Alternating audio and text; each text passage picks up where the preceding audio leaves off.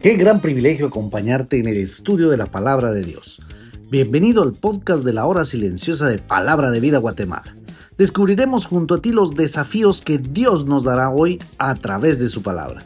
Deseamos que hayas tomado un tiempo para leer con anticipación el pasaje del día de hoy.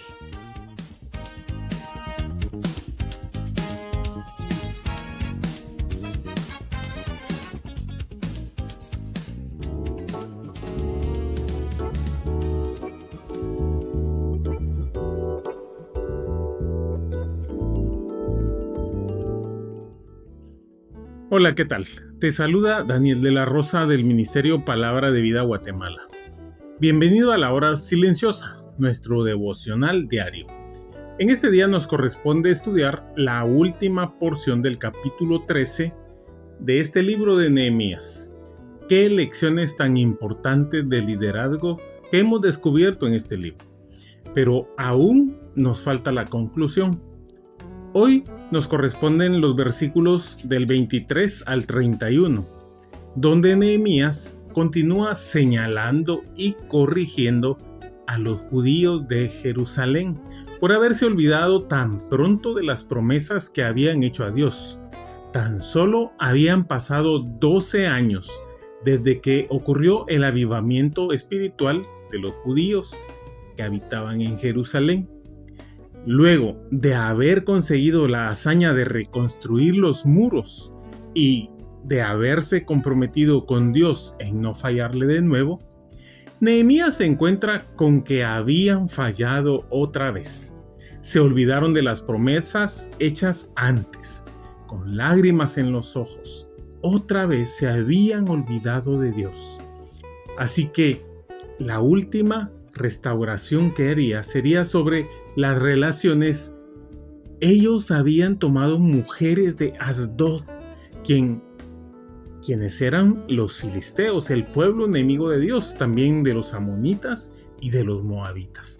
Todos, todos estos pueblos tenían a otros dioses, habían hecho pecar a Israel, los odiaban a ellos y al Dios verdadero, y ahora los niños judíos ya no hablaban el idioma hebreo, no había forma de entender las escrituras si no entendían el lenguaje con que estaban escritas.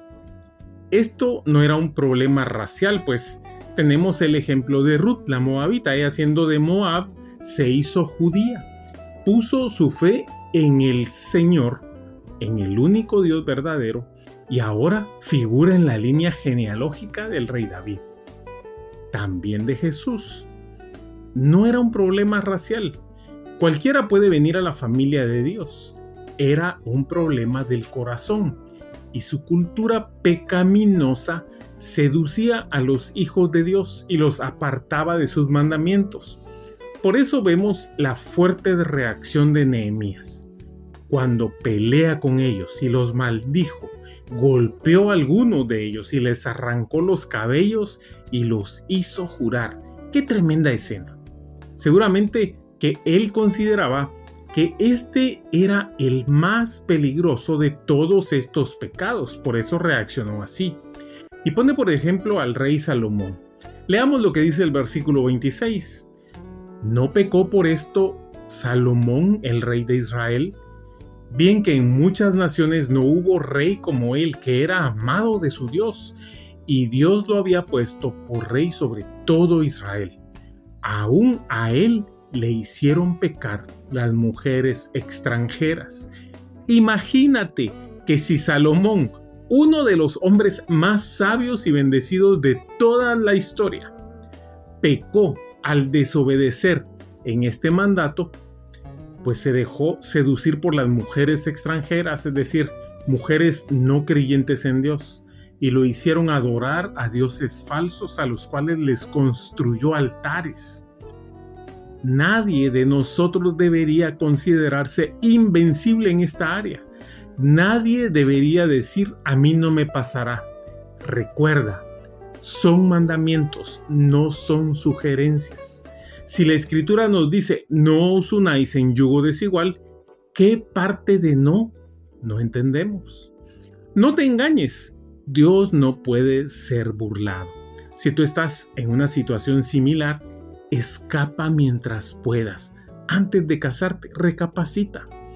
O si estás enamorándote de alguien que no tiene en cuenta a Dios en su vida, huye. Busca consejo. Pero sobre todo, cree y obedece la palabra de Dios. El resultado en la vida de Salomón fue que el reino fue dividido. Su historia no terminó bien. Imagínate lo que dice el versículo 28, que uno de los hijos del sumo sacerdote del templo se había casado con una hija de Zambalat, aquel personaje que acosó a Nehemías durante la reconstrucción del muro. Se opuso a esta obra de cualquier manera posible y hasta planificó asesinar a Nehemías para detener la obra. Con esa acción, uno de sus nietos, de aquel enemigo de Dios, podría haber llegado a ser un sumo sacerdote, pero Nehemías lo echó del lugar. Esta historia nos deja un sabor agridulce, pues vemos que el pecado es un ciclo que muchas veces se repite en nuestras vidas. El avivamiento de Nehemías logró que el pueblo judío se volviera a Dios, que pidiera perdón y se arrepintieran de sus, de sus pecados. Ellos escribieron un compromiso sobre el cual juraron, pero al poco tiempo se habían olvidado de Dios nuevamente. Nadie obedecía la palabra de Dios. Esto nos enseña que tratar de cumplir la ley es decir, las reglas, las promesas, los pactos y todo lo que pensamos hacer bien no nos sirven de nada para detener el pecado. Somos impotentes. Solo la gracia de Dios nos puede ayudar a vencer el pecado. Mira lo que el apóstol Pablo dice al respecto en Romanos 8:3. Porque lo que era imposible para la ley, por cuanto era débil por la carne, Dios ha enviado a su Hijo en semejanza de carne de pecado. A causa del pecado condenó al pecado en la carne. Por eso vívelo. No podemos ser salvos confiando en nuestras propias fuerzas para cumplir la ley de Dios. Eso es imposible. Por eso nos envió a su Hijo, en quien se cumplió toda justicia y se cumplió toda la ley para que en nosotros ya no exista ninguna condenación. Cree en el Señor Jesucristo y serás salvo tú y tu casa. Qué grandiosa promesa. Ánimo. Él ya hizo todo por nosotros. Que Dios te bendiga.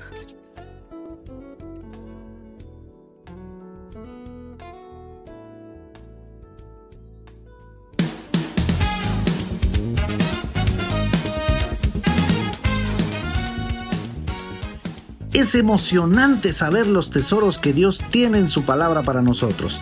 Ayuda a tus amigos a que descubran la voluntad de Dios para su vida. Comparte este podcast con ellos.